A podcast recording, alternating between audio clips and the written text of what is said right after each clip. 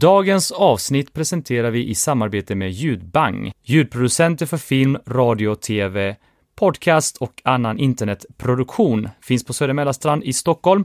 Gå in på ljudbang.se för mer information.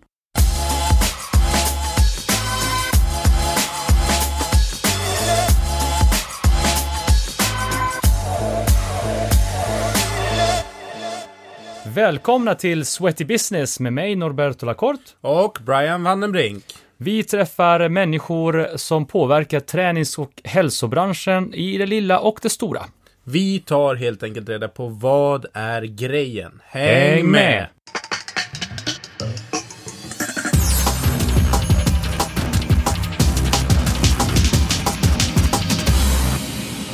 Ny gäst.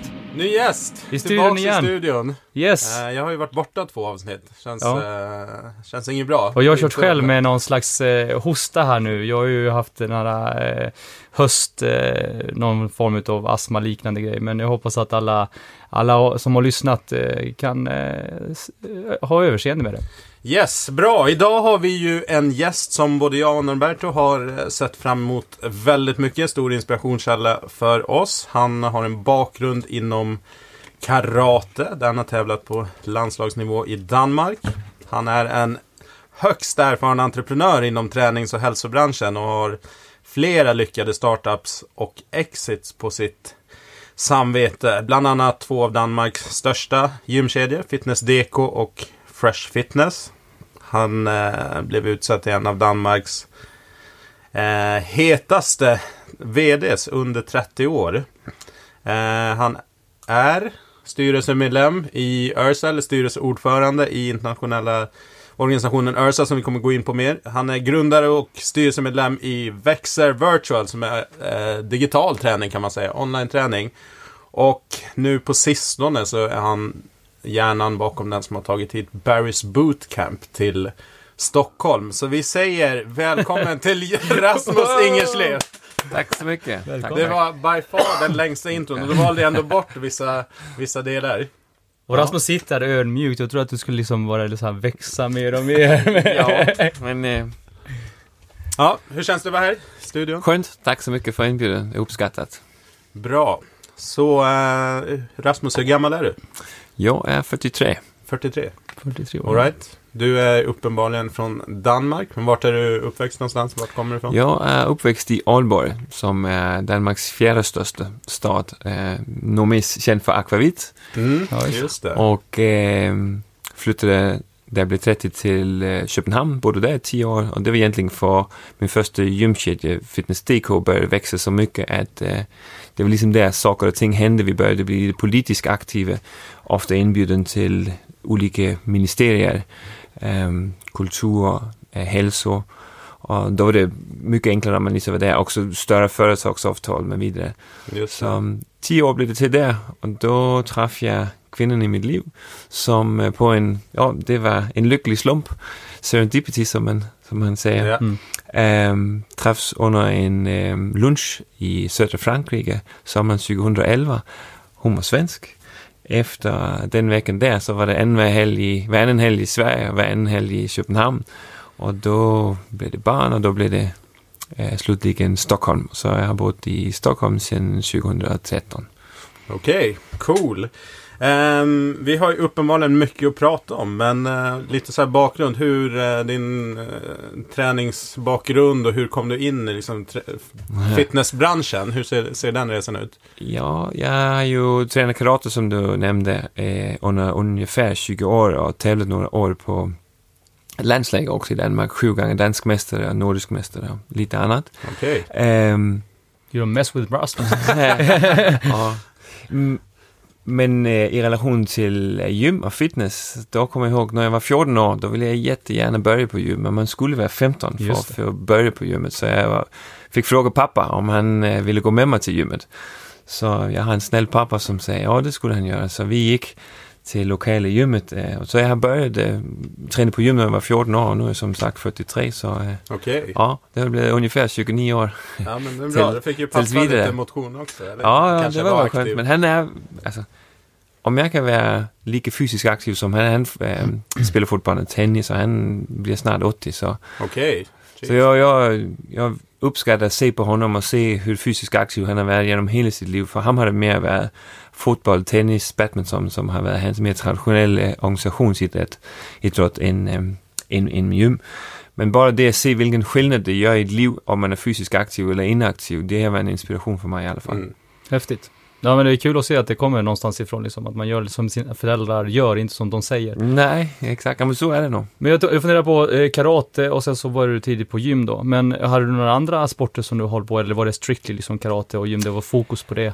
Ja, det var, alltså när, när man tränar på det nivå så är det ju jättesvårt liksom att få Ja. plats till mycket annat. Alltså det, det var ju i kombination med karaten var vi ju mycket på gym för att där, det var där vi liksom byggde upp eh, grundstyrkan, kondition och alltså vi körde spänning och så vidare. Det var också därför min stor, därifrån min stora passion för, för gymbranschen kom för att eh, vi reste ju mycket med landslaget och eh, under 90-talet där var jag väldigt eh, inspirerad av de här större gymmen vi såg i USA men också andra länder. Och på det tidspunktet pluggade jag till marknadsekonom. Mm. Och med den inspiration jag liksom fick från de här större utländska gymmen, då eh, gjorde jag min eh, final paper Mm. som marknadsekonom eh, kring det att bygga en gymkedja i, i Danmark Mhm. med inspiration därifrån. Och det blev egentligen eh, mycket de tankar också som grundade Fitness.dk som Okej. jag byggde med två partners. Eh, vi, jag, jag började väl i gymbranschen i 99, Mm. sälja medlemskap. Eh, efter några månader blev jag platschef eh, och delade av mig mina tankar med han som ägde gymmet. Så jag vill egentligen gärna göra eget men eh, det är det jag tycker man bör göra och han var gav mig väldigt mycket möjligheter Mm. för liksom att växa i den här rollen. Det är klart om, om han gav mig möjlighet att bli platschef efter, jag tror det tog tre månader, Ja. då, då har han ju visat väldigt mycket förtroende. Då visade också förtroende, liksom delade alla mina tankar. Vi ända upp med att bli eh, partners Mm. och tog med oss en tredje partner och, och bildade Fitness.dk som då över år blev eh, Danmarks största gymkedja med 38 gym, tror jag, 125 000 medlemmar och väldigt stark position i danska marknaden. Mm. När jag började på danska marknaden, då var det väl kring 250 000 danskare som hade medlemskap i gym. Och idag är det tal, talet närmare 900 000, så det är en enorm resa där ja, verkligen. på, på All den right, så branschen. Danmark har ungefär fem- 5,5 miljoner invånare kanske. Ja, exakt. Så det är en... eh, Så de har börjat, börjat ligga ganska högt i relation till penetration Ja. eh, om vi jämför med andra europeiska marknader. Så de, de börjar ligga ganska högt. För Fitness DK har ju växt eh, sen vidare till, jag vet inte, jag såg någon siffra över 150 anläggningar. Det kanske är ännu fler. Nej, det är Eller? Fitness, Fitness World. Fitness eh, World, alright. eh, grundades ju ehm, jag vill inte säga i skuggan för det är kanske inte helt fair, men ehm, när du börjar i ett marknad som är så lågt penetrerat som Danmark var på, um, där vi började, då är det väldigt mycket med att du ska växa kategorin fitness. Mm. Eh, då måste man skapa ett ganska brett produkt som liksom tillgodoser ganska mycket behov. Och det var det vi gjorde med, med Fitness.dk och vi hade inte super mycket konkurrens. Men då, då blev vi ju den, alltså den som är nummer ett är alltid den man andra försöker konkurrera med. Såklart. Ja. Och, eh, och därför säger jag lite, ja men ut av vår position kom Fitnessworld och säger, hej, de gör det ganska bra, kan inte vi göra någonting lite smartare? Så de byggde ju eh, gym som eh, marknaden uppfattade till kanske vara 80-90% av värdet men till 50% av kostnaden. Så det var jättesmart. Och de växte supersnabbt och de är ju nu eh, ungefär 150 gym och av de 900 000 eh, som dyrker fitness i Danmark, eller 800 000, då är det ungefär hälften. Och det är bara två länder i Europa, eh, Belgien och Danmark, som har en aktör som har en så stor marknadsandel.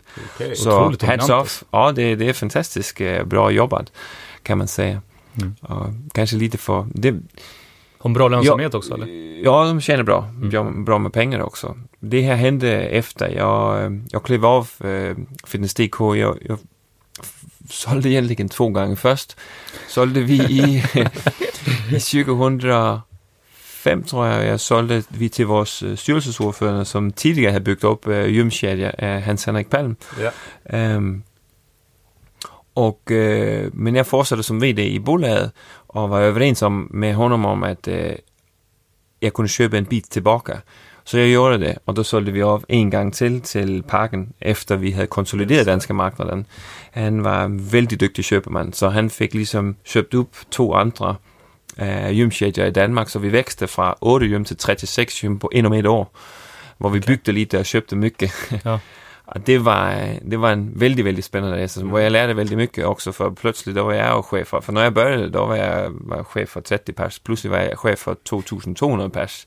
Så det er jo selvklart, øh, og man kan næsten sige, at det bliver Organizational Chart of the Week. Ja, det, var, det, var, det, var en, det var en spännande resa, Ja. absolut. Vad är det med Danmark som gör just att, ehm, att det är så gynnsamt att så många tränar på gym egentligen? För att det är samma sak egentligen med cykling och Köpenhamn. Att det är extremt Ja. stor andel människor som cykelpendlar jämfört med till exempel Stockholm. Ja, ähm, cykling kan jag inte svara så Nej, nej, bra det var på, inte men, jag bara drog den parallellen. Aktiv, Men, eh, aktiva människor. Att det kanske är, jag men i relation til, til gymmerne, der tror jeg jo, at øh, altså Danmark følger jo trender fra øh, Holland til eksempel. Sverige ligger også ganske højt i relation til penetration Ja. af, af andel af befolkningen, som har et gymkort. Jeg tror jo, at øh, fleksibiliteten, som gym erbjuder, er det, som øh, en konsument i dag de ønsker. De har behov for den her fleksibiliteten, for at øh, det er det liv, de lever, der passer det bra at kunne komme, når, når man vil, i stedet for ligesom at gå som, som min pappa. Øh, fodbold, det er tirsdag, torsdag, 5 til 6. Mm. Øh, det er jo ikke så super fleksibelt. Nej. Og det kanske också lite mer förpliktande. För då, ja, men där, då måste du eh, också ha match i helgen och då är det du som tar med hem eh, vad heter det, tröjorna och ska tvätta dem. Och det, det, är liksom, det är lite annorlunda. Det är oförpliktande att vara på ett gym och det är superflexibelt. Mm. Så jeg tror kanskje, det kan være nogle af de øh, drivers, og så er det jo noget med, hvad hedder det, proximity, altså at det er nære, at det, det, der har kommet så mycket gym, at pludselig om du skulle orke øh, 10, 15, 20 minutter for at komme til nogle træning, og men, då bliver det ikke rigtigt off, men pludselig, då har du en, som, en, en granne, som et gym, og men, då er det mycket enklere Mm. at få, då, då får man til med sin træning helt enkelt, og man er mere effektiv med sin, med sin Mm. tid. Har du någon egen eh, filosofi kring, kring träning, hälsa som du, som du lever efter?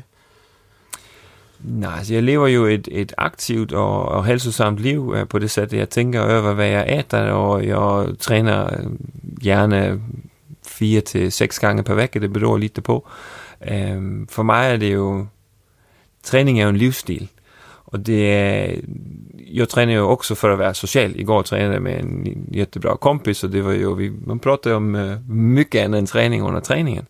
Så, ehm, så ved jeg om jeg har en, en filosofi. Jeg, jeg mærker jo, at øh, även om jeg, jeg börjar at blive lidt ældre, 43, då är jag fortfarande tävlingsinriktad i huvudet. Mm. Alltså jag men närmare 25 i huvudet. Men det jag tycker är lite lustigt, det är att, att med träning, man kan ju komma ganska långt även om man är 43. Just nu så är jag starkare än jag var när jag var 25 på landslag i karate. Mm. Det tycker jag är extremt motiverande och det gör också att jag inte har lust att missa min träning för då vet jag att det går åt fel håll och jag har kämpat för liksom att komma till där hvor jag är.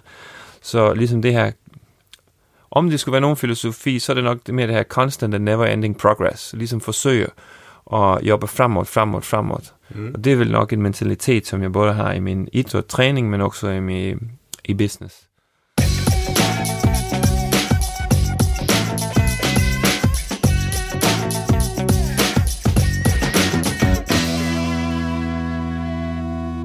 Pratar ju om Barry's Bootcamp och vi har ju nämnt det flera gånger här i, i podden. Mm. Eh, för att vi tycker det är ett häftigt koncept och Mm. en av de tydligaste liksom, trenderna så här, globalt inom gym, gymstudios.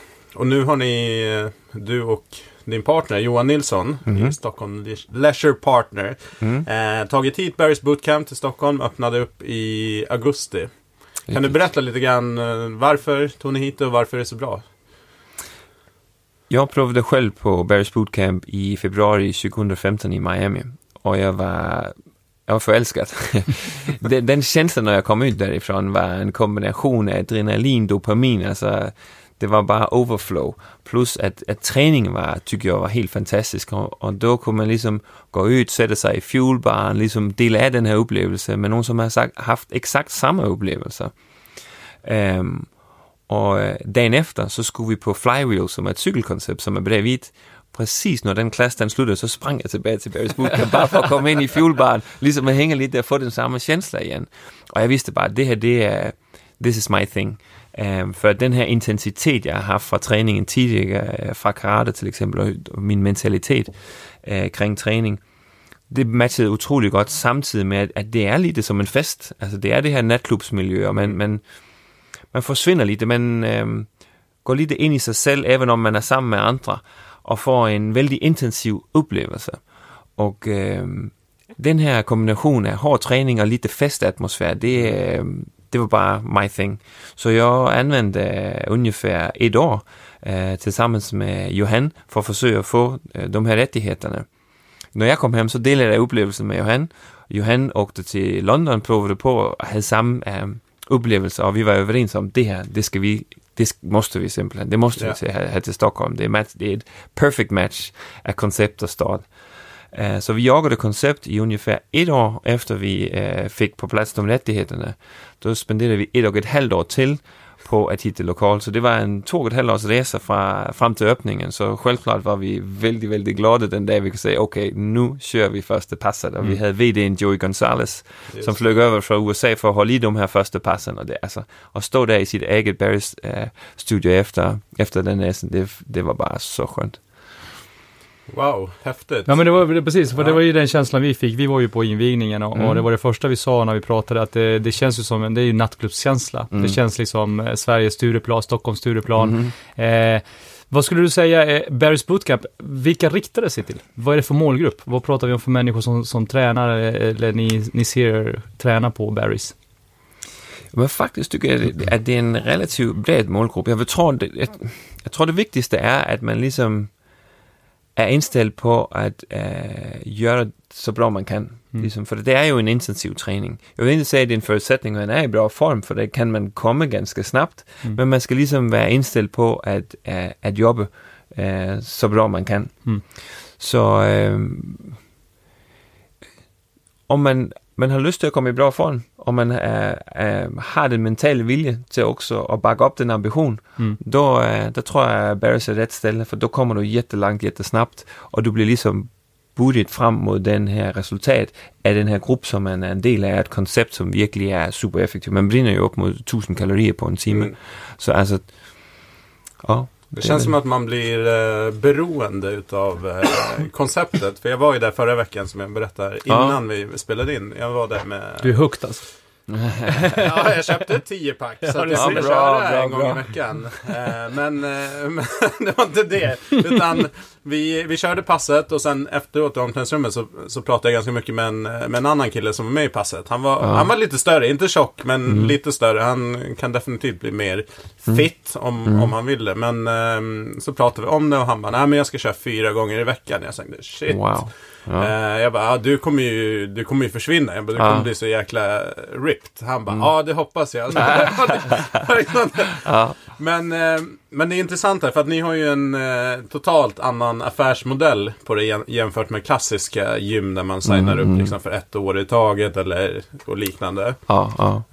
berätta lite grann om tänket bakom Ja, egentligen så kan man ju bara köra från pass till pass, vilket och kanske hälften gör. Och då øh, den andra hälften, de köper paket där de köper 3, 10 eller 50 pack.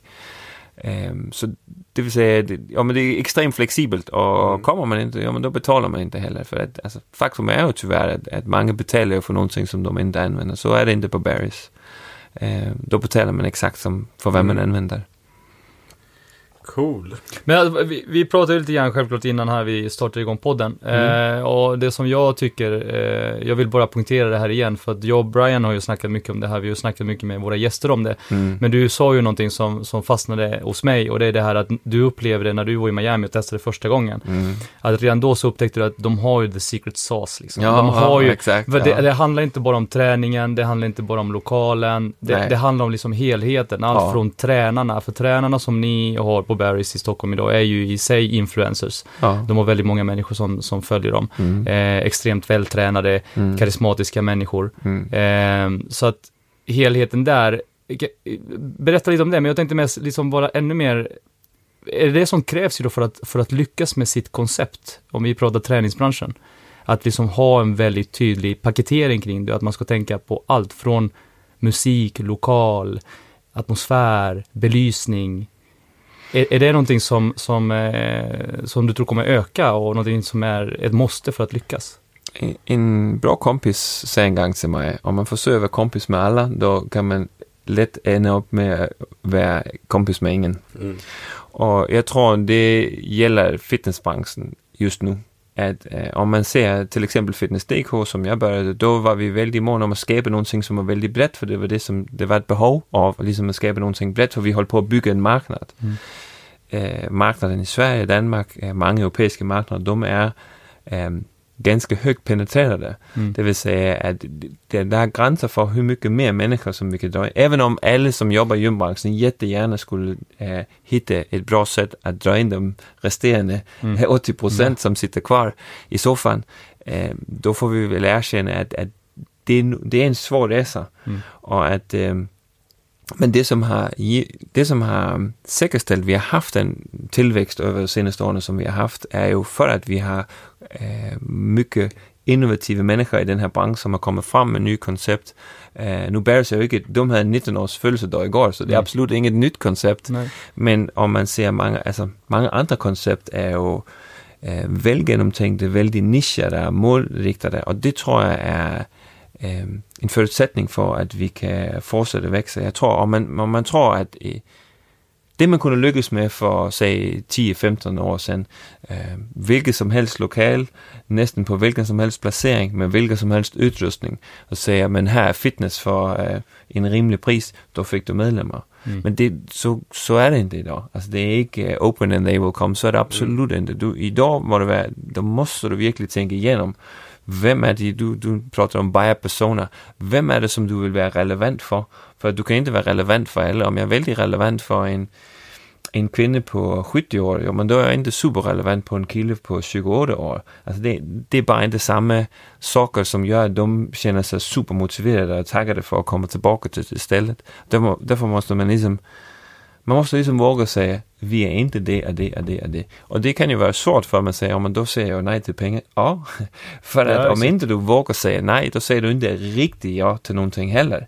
Och, och jag tror det är det som är viktigast idag, det är att man är jätt, eh, supervass kring vad är det man vill erbjuda och till vem. Så det är viktigt. Och relevans är super, super viktigt för att du, det finns så mycket distraktion i, i vardagen idag. Ja. Med, inte bara inom träning, men inom allt. Ehm, och därför så tror jag att man måste liksom skapa någonting som har ett reellt värde. Om det ska ha ett reellt värde så ska det också vara superrelevant. Mm. Och därför så tror jag att målriktade koncept är, är superviktiga. Det finns ju de också. ehm, om man ser, säg, säg till exempel USA nu, Planet Fitness, Fitness 10 miljoner medlemmar växer som bara det. Men det ju ett grymt värde eh, Øh, du får om du, du betalar 10 dollar eller 20 dollar per månad och du har du ett jättestort gym, super utrustning. Om du betalar 20 dollar så har du tillgång till waterbeds, øh, sunbeds, allt möjligt. rart. Øh, men det är jo mer convenience, det vill säga det är någon som är, de är så drivna, jag skulle träna när som helst, var som helst, bara jag har tillgång till utrustning. Ja. Men jag är också tokig. Mm. Och jag, är, jag bygger inte gym till mig, för jag är ett absolut mindretal. Jag bygger ett gym till de som är eh, vanliga människor, och vanliga människor det är de som eh, gör att vi förlorar upp mot 50% av våra medlemmar varje år. De är, inte, de är kanske supermotiverade när de börjar, men de förlorar också sin motivation. Mm. Ju mer man kan skapa något community, ju mer man kan skapa en upplevelse som gör att det är känns som rätt ställe och man hör Mm. till, jo men då kan vi ju hålla kvar de här människorna. Men kommer det, tror du att det kommer alltid vara så att vi kommer att förlora den stora andelen medlemmar eh, hos gymmen? Det vill säga, för vi pratar ju jättemycket om retention Ja. i branschen. Ja. Eh, och vi gör ju allt för att liksom retention, och nu har man ju hört i några år att det är det viktigaste som finns och, och så vidare. Eh, men är, det, är så att vi, vi måste nog lära oss att leva lite grann med att det kommer att vara så? Att det kommer vara en viss andel, en viss procent som alltid liksom... Eh, Ja, men en viss andel kommer ju alltid förlora. Jag, jag, tror, jag tror så här. Det kanske är lite dags att titta på hur vi räknar fram de här siffrorna också, mm. för att det är en eh, seasonality, alltså folk som går in och ut för att, ja men då spelar jag fotboll, men de kommer tillbaka. Just nu som man räknar retention, då ser man, om jag har förlorat ett medlem, och nu fick jag ett medlem. Nej, du har det samma medlem som har lite seasonality, för de har varit borta lite, mm. men de är tillbaka. Mm. Så jag tror, man måste rensa lite för att eh, beteendet eh, bland medlemmar kanske är um, lite annorlunda. Också för att det blir mycket mer flexibilitet i relation till hur man erbjuder sina medlemskap. Så därför, så det är en sak. Så, eh, därutöver så tror jag att eh, jag hoppas mycket på att den här digitalisering som vi ser börja i vår eh, bransch, att den kan stödja våra medlemmar mycket bättre mm. på sin resa. Eh, grejen är ju att många, de, är, de blir motiverade, någonting säger okej, okay, nu börjar jag. Och då går de in och så är det egentligen kanske ingen uppföljning, alltså beroende lite på vilket koncept de går in i. Men lite till ingen uppföljning överhuvudtaget och då, där ser jag absolut att äh, det digitala kommer, alltså CRM-verktyg äh, och mm. kommer till att spela en större roll. Artificiell intelligens till exempel, som verkligen kan stötta upp omkring äh, folks beteende och manglande beteende. Mm. så jag, jag har absolut en förhoppning, jag, jag är optimist. Ja. Uh, det tror jag man måste vara om man är serieentreprenör. Ja. uh, så jag tror absolut på att vi kan göra bättre. Hur mycket bättre vi kan göra kan jag inte säga, men jag tror absolut mm. på att det finns både den här segmenteringen vi ser nu, det är det erbjudande som vi um, ger som bransch, det är mer relevant för de som kommer. Det kan vara med till att höja och så har vi kanske några verktyg digitalt som kan stödja upp om den här resan som folk beger sig på mm. för att komma i form. För det är ju inte så att när folk de slutar med att träna på ett gym så ah, nu är jag glad, jag är exakt i den form jag gärna vill vara, jag behöver alltid träna. jag har nått mitt mål. Exakt, så är det ju inte. Nej. Så, eh, så det är ju, de har förlorat lite en match mot sig själv för att de ger upp på sina mål. Mm. Mm. och, och, och, det, och, det, här är ju någonting, för vi har ju en take på det. Vi har ju snackat mycket om det här, vad, vad gymmen gör utanför sina egna fyra väggar. Mm. Och det har funnits lite grann, har vi upplevt, en motstånd från gymägarna mm. att eh, göra någonting mer utöver det. Eh, utan det har alltid varit väldigt mycket fokus på just den PT-timmen eller ja. den gruppträningen. Men man har satsat väldigt, väldigt lite egentligen på vad, vad ta reda på vad eh, kunderna gör i övrigt när de inte är på gymmet. För ja, det är ju ja. liksom större del av deras liv. Eh, och det är ju bra att du säger det, att just digitaliseringen faktiskt ger oss möjligheter att jobba på ett helt annat sätt mm. än vad vi har gjort mm. Men det är inte, retention-begreppet tycker jag också är intressant för att eh, ja, jag har jobbat, precis som ni, inom, inom branschen under en längre period. Ofta har man pratat om lojala medlemmar. Jag skulle också vilja vända på det. Hur lojala är gymmen mot sina befintliga medlemmar? För att extremt mycket tidigare har varit kommunikation till icke-medlemmar. Hela tiden liksom säljbudskap, du får en fri månad, du får en väska, du får ditten och datten. Men du som existerande medlem, knappt någon, någon bra kommunikation egentligen. Definitivt inte du pratar om CRM här, att förstå mm. vilka medlemmar du har. Att ja, du kan än idag, får jag, jag är medlem på ett antal olika mm. gym. Eh, medlem, alltså nyhetsbreven och så är ju helt generella. Det skjuts ut till alla. Ja, exakt, ja. Jag går ju på gymmet. Jag är ja, inte inne på gruppträningen. Så att redan där har man ju en kan man ju ha en idé om vad, vad jag är för typ av människa, vilken typ av kommunikation. Exakt. Men, ähm, ja, så jag tror den här retention-grejen, att man äh, dels att man kanske mäter det på fel sätt så att siffrorna blir inte helt äh, sanna, men också att äh, man som, som aktör eller gymägare också bör fundera över hur lojal är du mot dina befintliga medlemmar när hela tiden jagar, jagar nytt. Jag tror egentligen jag kan svara lite på eh, både det du senare säger det du säger. Alltså vi, om vi fortsätter lite med digitalisering och pratar lite kring eh, lojalitet. Jag tror så här, gymbranschen håller på att förändras, mm. förändras eh, markant. Jag tror de här fyra vägarna som definierar gym idag, de håller på att brytas ner. Mm. Eh, folks uppmärksamhet är i skärmar.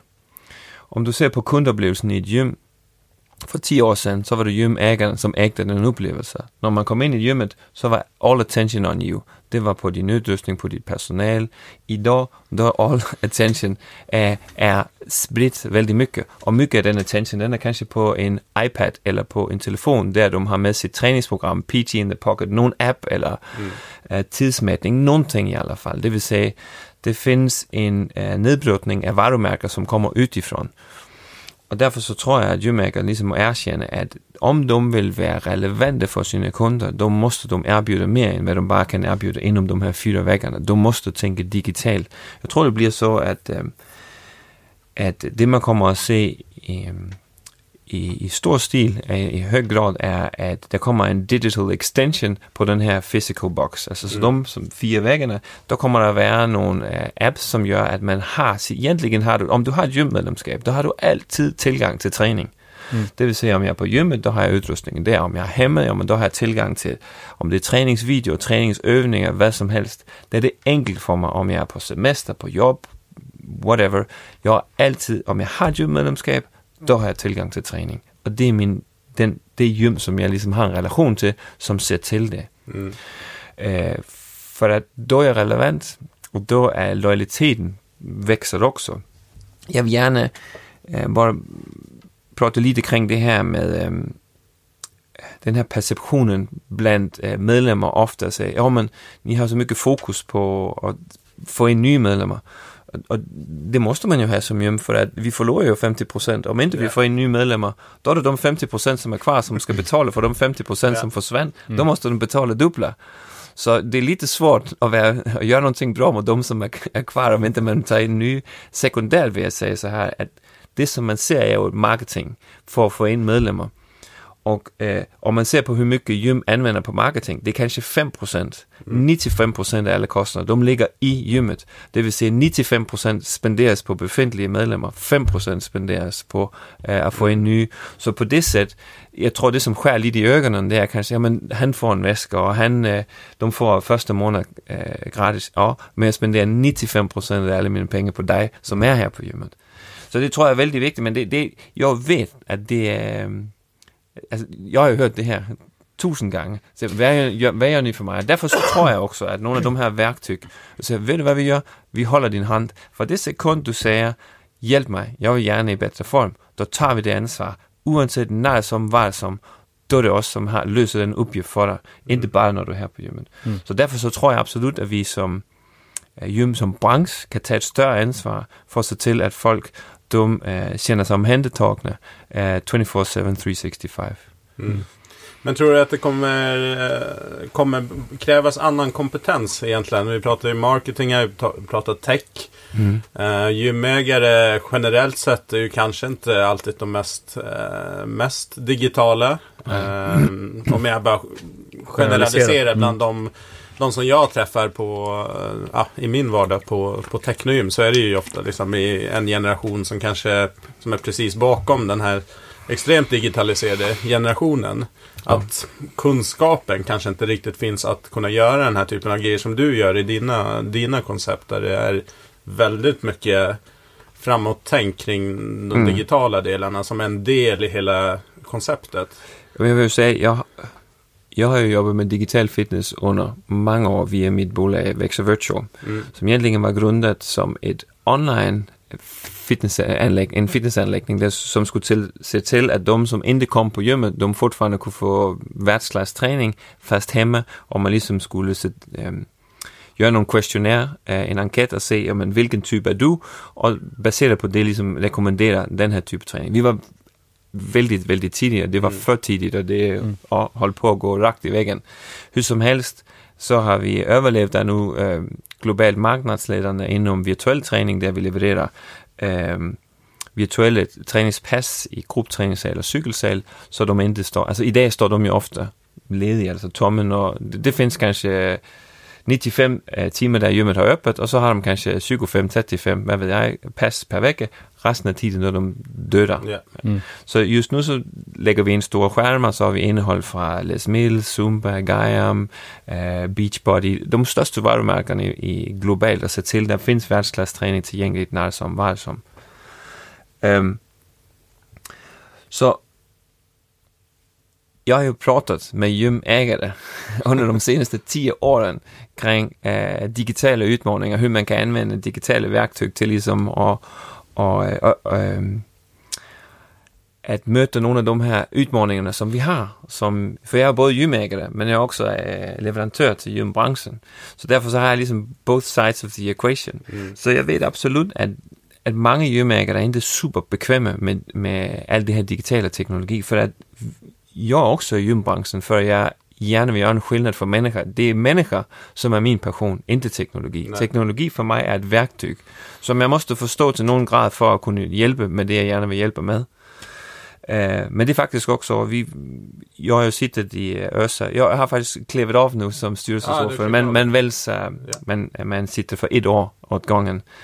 Um, men en af de sakerna som jag såg till att göra under det året, där jag satt som styrelseordførende, det var att øh, etablera ÖSA øh, Innovation and Technology Council.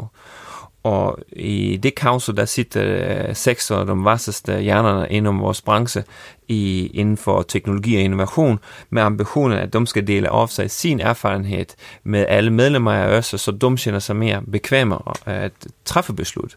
For det er jo ofte det, som ligesom er, er problemet at øh, det kan være svårt at træffe beslut, for man har ikke mm. det rigtige øh, informationsniveau, som man kender, man behøver. Og det er også det, jeg mærker med UX, en mm. stor del af vores opgift, det er udbildning. Mm. At de ligesom forstår, at man husker verden ud af. Og, og det, jeg ser en risk for, at øh, i, i vores branche, at øh, vi faktisk ikke helt har kold på teknologi generelt. For at øh, jeg har holdt ganske mycket foredrag kring teknologi, og jeg oplever, at når jeg prater om befintlig teknologi, der tror rigtig, der er mange, som tror, åh, oh, det her det er science fiction. Åh, oh, det bliver vel interessant, når det kommer om 5-10 år. Yep. Det er her og nu. Det er her. Det er yeah. her og nu.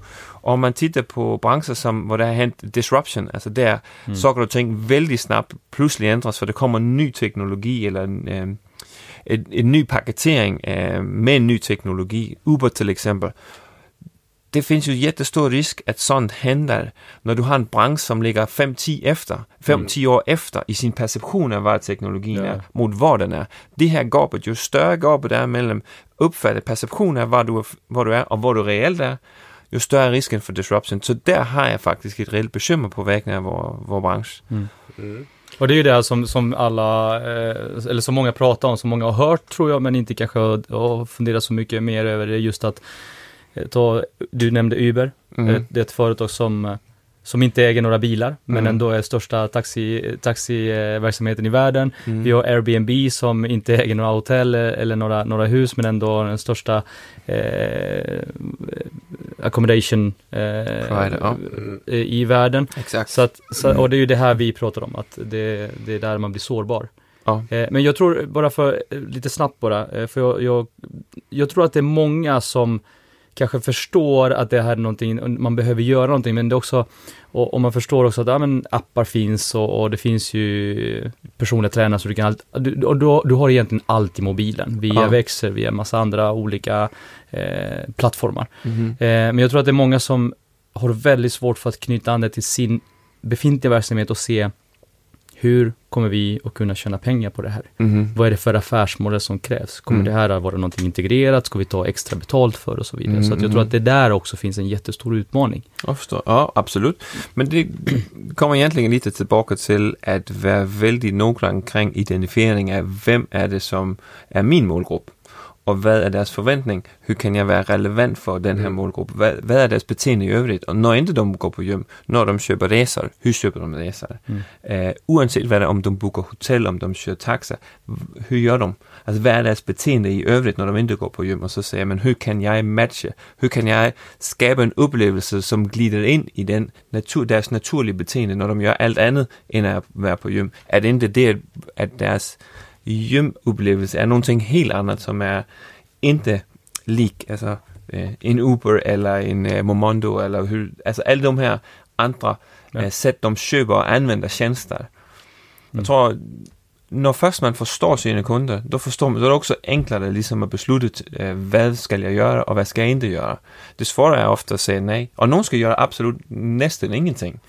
Om man ser øh, Barris til eksempel, som vi nævner, Barris er jo ikke super digital, men den har den her, i min verden, har den her uber smoothness, det vil sige, om man når du booker et pas, jamen då beslutter du dig, øh, vil jeg börja på tættemølle, eller vil jeg börja på gulv, og då reserverer du den plads. Då er du ligesom, I'm safe. Du kan lægge ind dine kortopgifter, så når du går og køber din shake efter træningen, og man der kan den dra automatisk fra dit kort, exakt som Uber. Ingen øh, ingen hassle i relation til Ingen- transaktionen. Nej, precis. Det drives jo af teknologi, men du mærker ingen teknologi. Den skaber bare en smoothness i din uh, kundeoplevelse.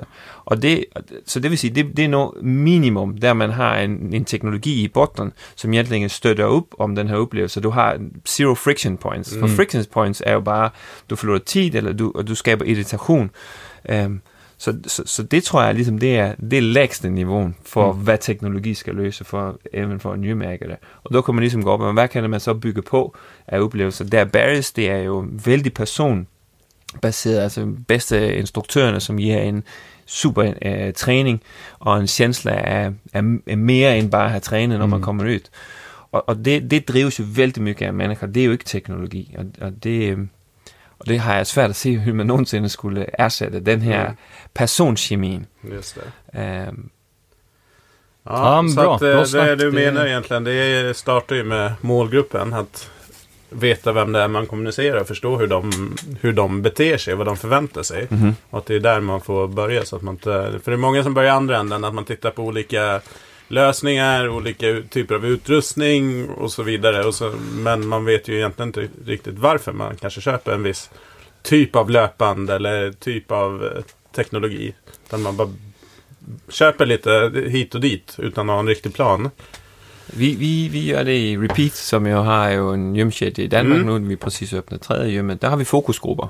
Det vil sige, at vi har udvalgt uh, grupper af både i København, fordi de har ligesom et betjent, og i Odense, som er Danmarks tredje står der en anden fokusgruppe for det. Mm. Det er så pas mycket skillnad mellem København og Odense, vi måste ligesom forstå, Mm. hvor de skillnaderna finns. Det vil sige, at nye initiativ, de kører igennem dem. Um, men der gør vi ofte det også, at om vi skal gøre vældig store beslut, det vil sige ændre pris, så kører vi øh, markedsundersøgelser. Altså der, der, der anvender vi et øh, bolag, som kan hjælpe os ikke bare med at stille frågor, men også med at formulere frågorna, for at hur du stiller Mm. frågorna er super, super är klart. Så at från vi sitter fire kilder kring et bord og tycker, det er en jättebra idé, der old school som, det er en jättebra idé, let's do it.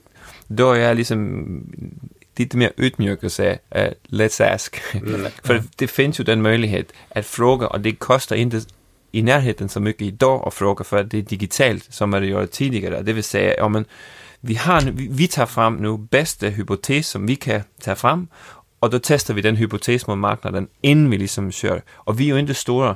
Altså, tre hjem, det er jo ikke stort, så om vi kan gøre det, då kan alle gøre det. Det er bare, at om man vil dedikere tiden til den proces at gøre saker og ting ret, for at om man gør saker og ting fel, då bliver det ofte mycket mere uh, Mm. kostnadstungt, end om at man havde frågat fra, fra början.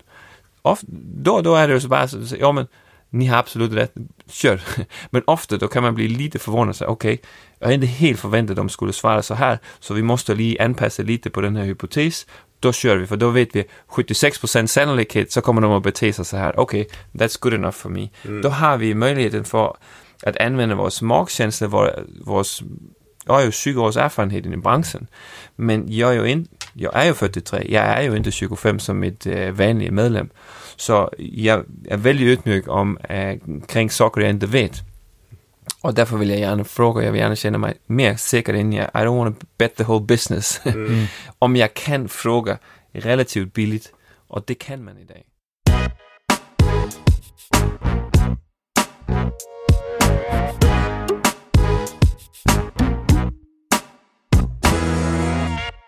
Repeat fitness som du Ja. är inne på. Eh, enligt mig så jag har aldrig varit på plats men jag följer ju digitalt framförallt på Mhm. Instagram. Super häftigt koncept och skulle jag säga också superskräddarsytt koncept för millennial generationen. Kan Ja. du berätta lite om eh, idén och konceptet? Ja, alltså det är som du säger, det är väldigt skräddarsytt koncept, det är att vi, eh, vi har målrikt, målriktet oss, eller riktat oss mot eh, millennials, eh, eller young and young at heart, som mig, som är 43, men tror man är 25. Man beter sig så i vi. fall. Som vi. Ehm, og det vil sige igen, øh, det vi har gjort mycket, det er, vi har set, men hur beter de sig egentligen? Hur köper de andra tjänster? Hvad er vigtigt for dem? Om det er vigtigt for dem med fleksibilitet, derfor har vi super fleksible medlemskab. Det er vigtigt, at det er vældig prisvært. Derfor har vi ikke skabt et vældig dyrt koncept, men et vældig prisvært koncept. Um, det er vigtigt for dem ligesom at have en miljø, som mm, passer med, hvilke retail stores går dem til, hvilke, butik, hvilke affærer, hvilke restauranter, hvilke natklubber. Så vi har koldet alle det her, så hvor går de også hentet ind inspiration. Mm. Jobbet med super dygtigt konceptbolag, som øh, har hjulpet os til frem med materialer øh, og designmæssigt koncept, og har skabet det, skabet det her miljø, som, som jeg tykker er vældig unik for, for Repeat. Øh, det er selve rammen, den fysiske ram. Så har vi også været ude, ude og vi jobber med personlige trænere, og de er headhunted, øh, hvor vi simpelthen sagt, hvem, om det her det er den fysiske ram, hvilken personlig træner har en personlighed, som matcher den her fysiske ram. I vores kommunikation i stil og bild, hur prater vi? Altså, hvilken, øh, hur kommunicerer vi? Tone of voice. Uh, tone of voice, exakt, ja. matcher den her. Øh, arrangement, event, hvem husker vi? Vi har Cocktails and Kettlebells som et uh, tilbagevendende Uh, der, der vi serverer cocktails sammen med træning, og så har vi live DJ. I den seneste gym her, vi åbner, der har vi uh, bygget ind en stor DJ-plads, altså, som står og vel to meter oppe cool. og ser ud over centret. Uh, vi har bubbles and squats, der vi serverer champagne. Vi har appreciation parties, har vi holdt, hvor vi har apropos det, du sagde, men hvorfor gør I aldrig nogen ting for os? Vi gør mye for vores medlemmer. Altså, alle de her events, Appreciation Party var 100% sagde, tak så jättemycket for, at I har givet os den tillid at træne hos os og valgt os. Vi er jo bare et år gamle. Og holdt værste øh, festen, hvor vi havde øh, tatoører til eksempel. Man kunne komme og få gratis tatoveringer. Vi havde øh, frisør, man kunne få øh, fikset håret, og igen live DJ, sushi, cocktail, champagne, alt. Så, så vi ligesom fokuseret mycket på at skabe et lifestyle-brand mere end bare gym, der man ligesom sagde, jag berättade ju lite om hur det danska marknaden ser ut. Du har Fitness World, där tränar ungefär hälften av marknaden. Det vill säga, om du går på Fitness World, då ser du inte mycket kring vem du är som person. Om Nej. du går på Repeat, vi säger väldigt tydligt, vem är vi? Och om du går hos oss, säger du också väldigt tydligt, vem är du? Mm. Er du nogen, som virkelig går op i din træning, du tykker, det vi gør er vældig cool, og det, og det er jo, det er et koncept skabt af mennesker, som elsker træning, som er vældig passionerede kring træning, træner mycket selv, uh, inspiration, som jeg har samlet i håb, og mit team har samlet i håb, over ganske mange år i, i branchen, uh, og specielt fra udlandet. Altså jeg berättade innan vi började här med speglerne i taket der inspiration fra et øh, uh, studie så i Singapore, nogle greb som jeg har eh, så første gang og prøvede det i Spanien att tage hem. Så, og sådan er der mycket, mycket saker, der vi alle hver især har set nogle ting, åh, oh, vi skal have den og den og den. Altså bare, hvad hedder det, vattenkranen. Det tror jeg, det tog os uh, eh, flere timer at, at lande på, men det skal være præcis den her. Så vi har fineste vattenkran i guld. men det, ved, jo, men om, og man er så passioneret, og det mm. som jeg er så glad for, det er, at den feedback vi får, det er, at medlemmer, de mærker det. De mærker, når de går rundt og siger, at her har de tænkt over detaljerne, de vil gerne skabe en oplevelse for mig som medlem her. Mm. Og man kommer ind, og alt bare er hvidt i hvidt, og du ved, jamen, jeg kunne være på Scandic Hotel øh, og tvætte mine hænder, eller jeg kunne stå, øh, hvor er jeg någonstans? Altså, hvad, hvad sagde det her om, hvem det sted det er? Og da, uanset hvor du er i repeat, då vet du hvor du er. For at vi säger någonting med alt vi gör. Mm. Ja, för det här träffar ju en av liksom megatrenderna generellt liksom, kring individualisering. Att man, man vill vara någon, man vill inte bara vara en, en i mängden. Eh, mm. Mycket. Men eh, superintressant. Och jag tror att du egentligen besvarade min fråga, men jag ställer den här. Hur skapar man eh, lojalitet när man har en hyperflexibel affärsmodell? Ni kommunicerar ju på repeat, bland annat då, medlemskap på en vecka. Mm. Och då kan ju en traditionell gymaktör känna panik när man sitter och budgeterar och räknar på medlemskap som är som löper över 12 månader och så ska man helt plötsligt börja laborera med en veckors... Ja, herregud, vi har ju fortfarande, vi har ju fortfarande vissa gymaktörer i Sverige som har, eh, och det är ju deras grej, men de har bindningstiden från 12, 24 och upp till 36 månader. Hvilket jo er helt fint, for ja. en kilde som jeg skulle jo ikke have noget problem. Jeg, jeg har jo trænet i øh, ja, 20 eller var det 30 år ungefær, men 20, 29 år tror jeg, vi kom frem til. Mm. For mig skulle det ikke, hvorfor skulle jeg ikke ville binde mig for 36 måneder? No problem. Men det har ingenting med loyalitet at gøre. Mm. Altså, jeg vil, gerne, jeg vil egentlig gerne snu lidt på den frågan, du sagde. Mm. Og du sagde, Uh, jamen, hur ska man skapa lojalitet, om man inte man kan göra det genom medlemskabet? Jo, men medlemskabet har ingenting med lojalitet att göra, det är bara säkra cashflow. Lojalitet är ju om någon uh, kommer på din klubb, pratar bra om din klubb, uh, har lust till att vara där, inte att de är tvungna till att betala ett medlemskap över 12 månader. Yes. De sakerna har absolut inget med varandra att göra. Amen! Så i min verden, loyalitet skaber du genom at leverere nogle ting, som folk virkelig opskatter og tykker er prisvært. Mm. Again and again, day in, day out. Og det er der, hvor vores fokus ligger. Det er, om det er være, så Barry's, det er klart, om vi siger, best workout in the world, det er jo ikke vi, som har fundet på det, det, yeah. det er legacy, det kommer med brandet. Yeah. Um, men når ligesom vi tager det brand til Stockholm, så ved vi jo, det, det ligger jo en stor forventning. No. Så vi måste have øh, bedste trænerne. Vi måste sætte øh, målsætningen højt i relation til, hvem har vi i frontdesk? Er de så smilende, som det bare går an? Og bliver, er de så serviceindlægtede, som det går an? Øh, den oplevelse, man går derfra, er det pengene værd? Kommer de er tilbage, for at de... Du sagde det jo selv. Jeg har prøvet, jeg købte 10 pakke. Det er loyalitet. Ja. For du får en oplevelse, som var så pas bra, du ville have mere. Det er loyalitet om jeg havde lykkes at øh, være dygtig sælger og knuffe den tipak i halsen på dig, eller et 12 måneders medlemskab, det har inget med loyalitet at gøre. Det har bare, at jeg er dygtig til at sælge og skabe cashflow. Mm. Det vi gør nu, det er totalt beroende af vores leverance af en værtsklasse af service og oplevelse generelt, og det er loyalitet. Så vi litar på, at vi er dygtige. Vi litar på, at vi kan skabe loyalitet gennem den oplevelse, vi erbjuder til en, en pris, som matcher det vi levererar. Mm. Cool. Är man tillräckligt bra så, så kan man, behöver man inte vara oroande för att kunderna inte kommer tillbaka. Nej. Så det. Bra. Vi var inne på URSA. Norberto, kan du bena ut vad det står för? ja, International Health Racket and Sports Club Association. Association, ja, precis. Och det, det, det, ligger ju kvar sen, sen det, det startade ja. för många, många, många år sedan. Liksom. 35 år sedan. Ja. ja. Vad, vad är Ursa? För du har ju varit, eh, eller är då medlem i styrelsen mm. och varit första icke-amerikan som varit ordförande i Ursa. Vad gör Ursa och vad, vad är organisationen till för? Men organisationens syfte är grow, promote and protect the industry. Og det betyder egentligen at øh, skabe rammer for, at vi kan få succes inom branchen. Mm. Og øh, de gør jo mycket undersøgninger, som de deler med sine medlemmer. De skaber mycket utbildning. De har øh, conventions and congresses. Øh, i USA tjener de lidt et andet syfte, end de gør internationalt, der de også altså politisk går ind og kæmper for øh, hvad det, tax bills og, og sokker, som, altså yes. der, der er der nogen, der siger, nu kommer der en ek, ekstra tax på, på træning til eksempel, så går du ind og tager den kampen. Yeah. Så lidt ulike, øh, syfte ulike steder, men globalt er, er det helt klart, at, øh, øh at forsøge at udbilde branchen genom at give dem øh, værktøj øh, og genom at give dem indsigt, altså med rapporter til eksempel. Jeg grundade i 2006 også øh, den danske øh, gymorganisation, DFO, Dansk Fitness- og Helseorganisation, for at jeg tykker, det er så pass vigtigt, at man ligesom har et sted, der man ligesom kan samle ind øh, branchens øh, ambitioner kring, til eksempel, vi havde ingen udbildninger, målrigter, der man kunne få, øh, hvad hedder det, stipend.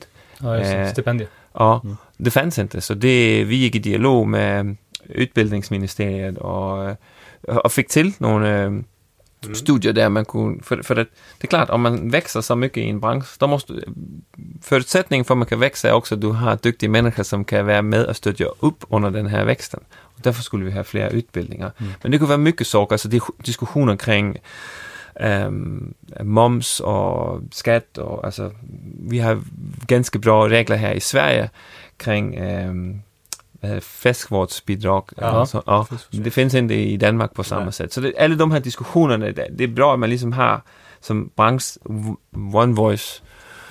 Uh, så det skabte vi i 2006, og det var egentligen skabet lidt i billedet af ØRSA, ligesom den her globale organisation. Jeg tror jo, at um, jeg siger det også her, for jeg gerne vil dele af mig erfarenhed, for jeg vil, at andre skal få succes uh, med det, de gør inden for den her branche, at om man har den her passion, då, uh, då ska man se till att uh, göra bra med den och, och se till att få så många människor som möjligt aktiva. Och då tror jag att de här organisationerna också spelar en väldigt stor roll. För att det finns saker som man kan som organisation som man inte kan som äh, enkelstående äh, Ja. operatör inom gymbranschen. Jag kunde inte, da jag var VD i Fitness DK, säga om vi måste ha en utbildning. Det kan jag säga som organisation. Jag kan inte gå i diskussion kring äh, moms. Det blir fel signal. Ja. Också om man ser på, på press till exempel, alltså i eh, media, då blir det ju ofta så att om inte du har den här ena organisation som liksom kan prata, då blir det ofta den största eller de största som bara pratar. Det här Just är det. inte är hela branschen liksom. Nej, en, precis. Att man En tar det röst. i, i egen sak. För vi har ju haft den Ja. eh, i Sverige så ju Friskis och Svettes haft sin, eh, sin del. Så det har ju varit mycket eh, polemik med övriga kanske träningsbranschen. Att Friskis har haft vissa fördelar och de kommersiella aktörerna, om man får säga så, har tyckt att det varit orättvisa villkor. Så att det eh, men jag vet inte, i Sverige finns det någon bra sån organisation? Frisk finns, men jag ser inte så mycket utav dem. Nej, det, man hör inte så mycket åt håll. alltså, Det som jag saknar i Sverige, det är ju väl den politiska diskussionen. Alltså, eh, att eh, kanske regering och, och andra eh, länsstyrelser, landsting och så vidare, att de engagerar sig mer i, i de här frågorna också. Ja. Så att eh, jag tror att det skulle bara skapa gott. Men det är som du säger, jag tror att man behöver skapa en stark organisation som gemensamt kan vara oberoende och prata för hela branschen istället för att det ska Mm. vara som det är eh, i många fall, att det är de stora aktörerna som, som gör mycket väsen och det är de som hörs. Mm. Eh, det blir väldigt enkelriktat. Finns det några så här, mm, om man tittar på utmaningar generellt för träningsbra- träningsindustrin. Ser du några så här makrotrender? Liksom att ja, det här kommer bli utmaningar framåt som branschen måste, måste lösa för att, för att fortsätta och växa och må bra. Nej, alltså, jag nämnde ju tidigare, jag har ett bekymmer på branschens vägnar kring teknologi, men, men det är mer för de befintliga aktörerna. Mm. För att eh, om man tittar på Global Top 25 inom uh, øh, gymbranschen idag mot 10 år sedan så är det mycket som har ändrats. Och varför har det ändrats? Jo, för att de som var topp uh, då, de har inte, för, de har inte uh, förmåga att liksom att ändra sig med branschen. Så, men branschen har växt. Under samma 10 år har branschen växt globalt sett från 100 miljoner medlemmar i, i, i gym till 150 miljoner medlemmar i gym. Så därför, og det är ju inte så bra för dem som har förlorat sina positioner, men branschen som helhet har fortfarande för, äh, Ja. växt. Och, och på det sättet så är jag säker på att vi har så mycket passionerade människor i den här branschen, att branschen ska fortsätta lyfta sig, även om att vi kommer kanske i en transition nu, var någon som har en, en jättebra position idag kanske förlorar den positionen. Så, så, så när jag pratar om de här sakerna så är det mer för att jag vill gärna att de som liksom är eh, i, i en bra position idag, liksom håller fast den position, förmår liksom att, den här agilitet, Ja. eh, anpassa sig till ett marknad som ändrar sig ganska snabbt. Så de känner sig bekväma med den, de här ändringarna och kan växa framåt istället för att det liksom ska börja på nytt, på nytt, på nytt. Mm. Så nej, eh, en snabb svar på din eh, fråga ser jag stor, större förhinder, eh, större hinder i, i, på makronivå för vår bransch? Nej, det tycker jag inte.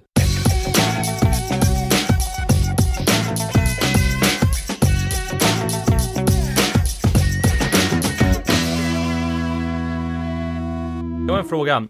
Och det kanske eh, känns konstigt att ta det nu, men, men eh, jag tror att följer man dig på Instagram eh, och nu när vi läste upp det du har gjort, du är Mm. ju superentreprenör.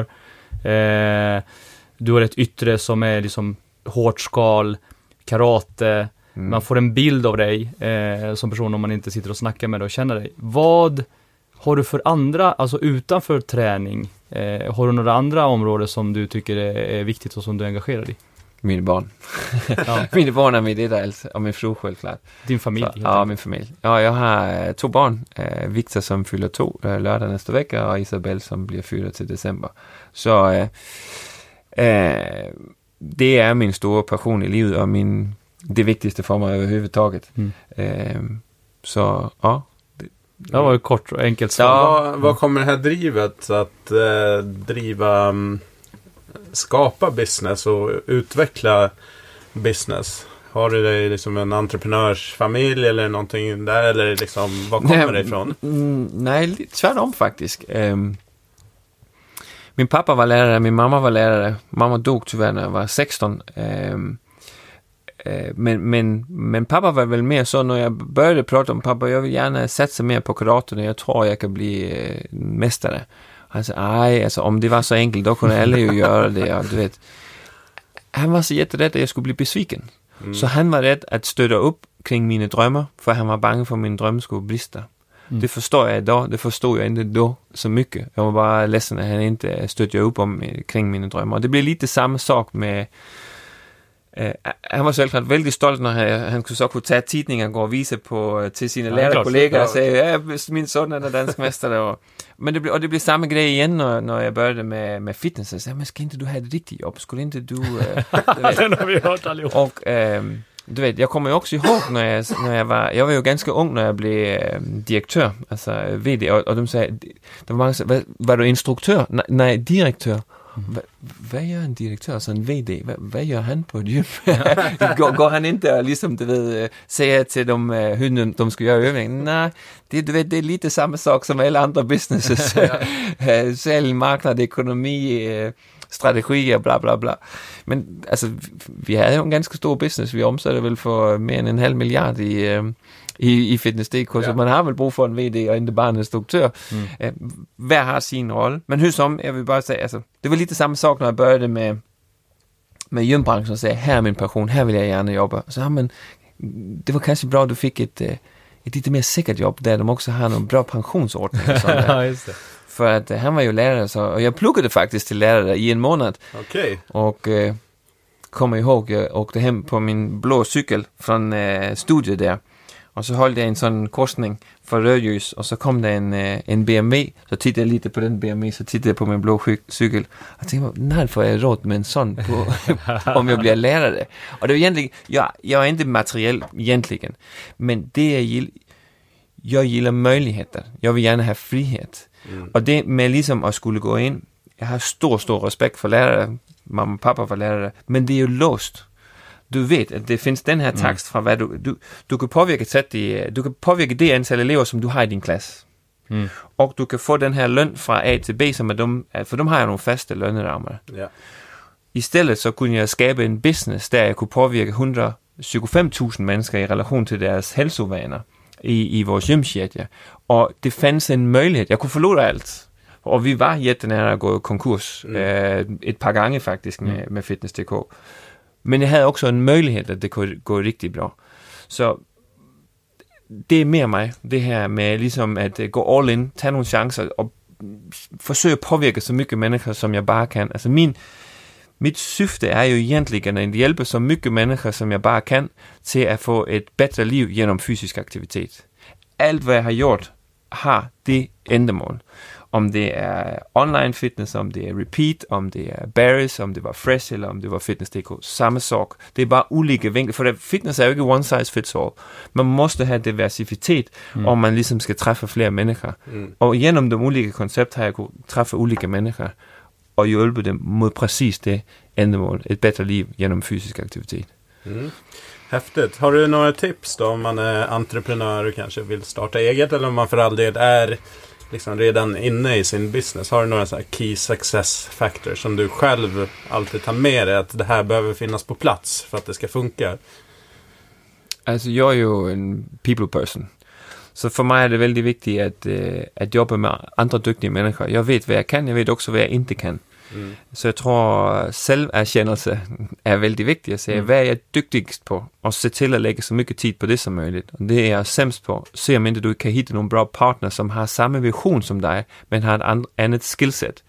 Jeg æger ofte aldrig mine businesses selv. Jeg æger tillsammans med andre, som øh, også lægger ind penge, også ligesom dedikerer sig til projektet, der vi har en gemensam vision om, hvad vi gerne vil skabe, men vi har ulike kompetencer. Mm.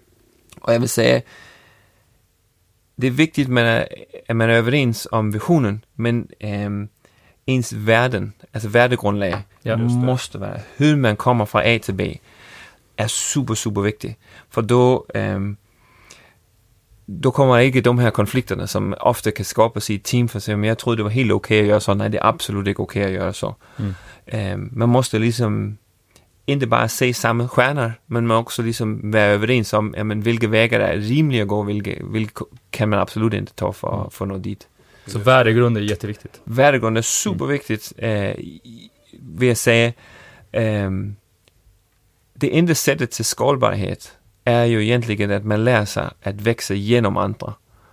Man kan ikke vækse. Man kan jo, altså det findes jo bare 24 timer om døgnet, og du Mm. kan jobbe hur hårdt som du vil. Om ikke du får andre med på den rejsen, som er lige dedicated, som dig selv og brænder, brinner lige mycket som du, då blir det jättesvårt liksom at komme någonstans. Man skal våge øhm, delegere ud øh, uppgifter. Og, og, og min erfarenhed er helt klart, at de fleste menneskerne... Jeg, jeg er vældig noggrann med at udvælge ret person. Jeg vil jobbe med mennesker, som kan mere end de fleste, og vil mere end de fleste. Det spiller ingen rolle, om du er den dygtigste i verden, om ikke du har en work hard mentality. Mm. Uh, om du har en work hard mentality, men du ikke har nogen idé om, hvad du laver. Det er egentlig okay, om du har en dygtig leder, der- som kan se til, at du gør ret sak, men du måste vide, hvad er det for mennesker, som du har behov for. Og om du finder den her kombination, de er svåre at hitte med dem, som kan mere, vil mere. Men om du har bare ganske få, en, to, tre stykker, då kan du bygge et helt bolag af sådana personer. Mm. Spännande. Vi har ju pratat svept øh, eh, över det mesta. Vi avslutar ju med två de- delar. Och den första är eh, trender framåt. Ser du någon så här, mm, det här kommer nog eh, bli en trend eller någonting som kommer påverka träningsbranschen här. The Mm. next Eh, big the thing. next big thing. Men jeg tror egentligen, vi så småningom in the next big thing. Det jeg, jeg, jeg tror, øh, segmentering, som vi ser nu, øh, kommer vi at se mycket mere til. Altså mere niche der gym, butik, fitness. Mm. Øh, for at i, om vi ser New York, øh, London til eksempel, så ser vi mycket af det. Vi ser ikke så mycket end så længe, i alle fald i Stockholm i Norden. Så på den nordiske marked, den kommer vi troligen at, at se mere af det. ja. Øhm, mere segmentering generelt, at også de lidt større operatører, de bliver mere øhm, tydige i sine koncepter, for de, øh, jeg tror, de, de, de måste ligesom erkende, at øh, de kan ikke være lige brede, som de har, og de måste ligesom være mere tydige i sin kommunikation. Hvem er, hvem er det, vi er bedst for? Mm. Og så tror jeg, at digitalisering øh, helt klart er øh, the next big thing. Mm. Og det kan jo være utrolig mange ulike saker. Altså alt fra øh, artificiel intelligens, som vi anvender til ligesom at støtte op omkring den her kundrejsen, til øh, virtuel træning, til øh, augmented reality, virtual reality. Mm. Det kan være jättemycket saker, men øh, den rejse, den, den, den bliver vældig interessant. Og det er jo det er jo som eksponentielle teknologier, som de vi prater om nu, at det kommer gå sakte, sakte, sakte, og pludselig så kommer det at gå vældig snabbt. Exploderar. Jo, og jeg tror jo ligesom, jeg er ikke sådan en preacher, der, der siger, oh, men I måste, nu måste ni øh, tage tag i det her med teknologien, men jeg tror, nu er tiden der, man i alle fald virkelig skal se til at orientere sig om, hvad findes, for ellers så kan det blive svært, ligesom svært at komme i kap Ja. med alt, som det, man ligesom holder sig vældig informeret om, hvad, hvad hænder, og det er nu også, jeg tykker, man skal virkelig lære forstå sin business og sine kunder jättebra, så ligesom at man kan træffe ret valg. Uh, tyvärr er det lidt så inden teknologi nu, at mange af dem, som udvikler teknologi, dem udvikler stængte teknologier, og det gør det jättesvårt for dem, skal, som skal vælge, for om jeg vælger A, då kan jeg ikke vælge B. Just det. Og det tror jeg kommer til at ændre sig. Jeg tror, at, at det her med open interface, open APIs, altså generelt åbenhed inden teknologi, kommer at blive... Jeg kommer jo fra Lego-land, Ja. Danmark, og, og, og jeg tror på, at, at teknologi skal ses lidt som Lego-bitter. At en hjemmeoperatør skal have den her Lego-bit, den her Lego-bit, den her Lego-bit, for det matcher eksakt dem, de er, deres profil og deres kunder, mens en anden skal have kanskje to af de samme Lego-biterne, men så tre andre Lego-bitter. For då skaber de et digitalt ekosystem, som er, hænger ihop med deres fysiske erbjudande. Øh, så jeg tror, det er vældig, der håber jeg, at vi kommer uh, om kort, for at då bliver det også enklere at træffe valg for dem, som er operatører, for de ytterstænger inget ved at vælge nogle ting. Og så er det tyvärr lidt endnu. Så det var også et råd, jeg skulle give. Look for open technologies, at du ikke ligesom ytterstænger nogle ting, før at du vælger en ting. Just det. Bra, och eh, slutligen då, om Mm. du fick eh, välja någon person som du tycker själv inspireras av och tycker är intressant som, eh, som vi skulle intervjua i Sweater Business podcast. Vem, Ja. vem eller vilka? En kilde, som jeg tykker er vældig inspirerende, og som har super bra kold, også specielt på det her med, med det digitale, er, er amerikanske Brian O'Rourke. Han har Brian også, O'Rourke. Brian O'Rourke, han er også Okay. grunder af det hedder uh, Fitness Industry Technology Council, Mm. det er FITC. Och eh, han är en jättebra kille eh, som är väldigt duktig och, eh, och jag tror att eh, lyssnarna skulle uppskatta mycket den insikt han har och erfarenhet han har. Han sitter också i ÖSEs eh, styrelse nu och har gjort eh, mycket bra grejer. Ja. Då är vi med oss det. Cool. Och eh, om man vill följa dig i sociala medier, vart, eh, vart finns du? Om, lite överallt väl. Eh, In, Instagram, jag, jag försöker vara där var mina kunder är, så jag förstår Ja. den, de här olika plattformarna. Men eh, ja, Instagram är ett eh, Rengerslev, alltså R för Rasmus och Ingerslev som ett efternamn och eh, LinkedIn är också, tar gärna emot invitationer till att Ja. connecta. Yes. Vi lägger ut länkarna i våra sociala Absolut. medier också Mm. så kan ni klicka där. Mm. Ja. All right. Stort tack Tusen för att tack. du tog dig tid. Tack så mycket igen för inbjudan. Och eh, glöm inte bort att följa oss i sociala medier. Vart kan man hitta oss, Norberto? Man kan hitta oss på Facebook, Instagram, eh, Sweaty Business, Sweaty Business Pod, YouTube. Sweaty Business. Och sen kan ni också mejla på sweatybusinesspodd med ett d at gmail.com.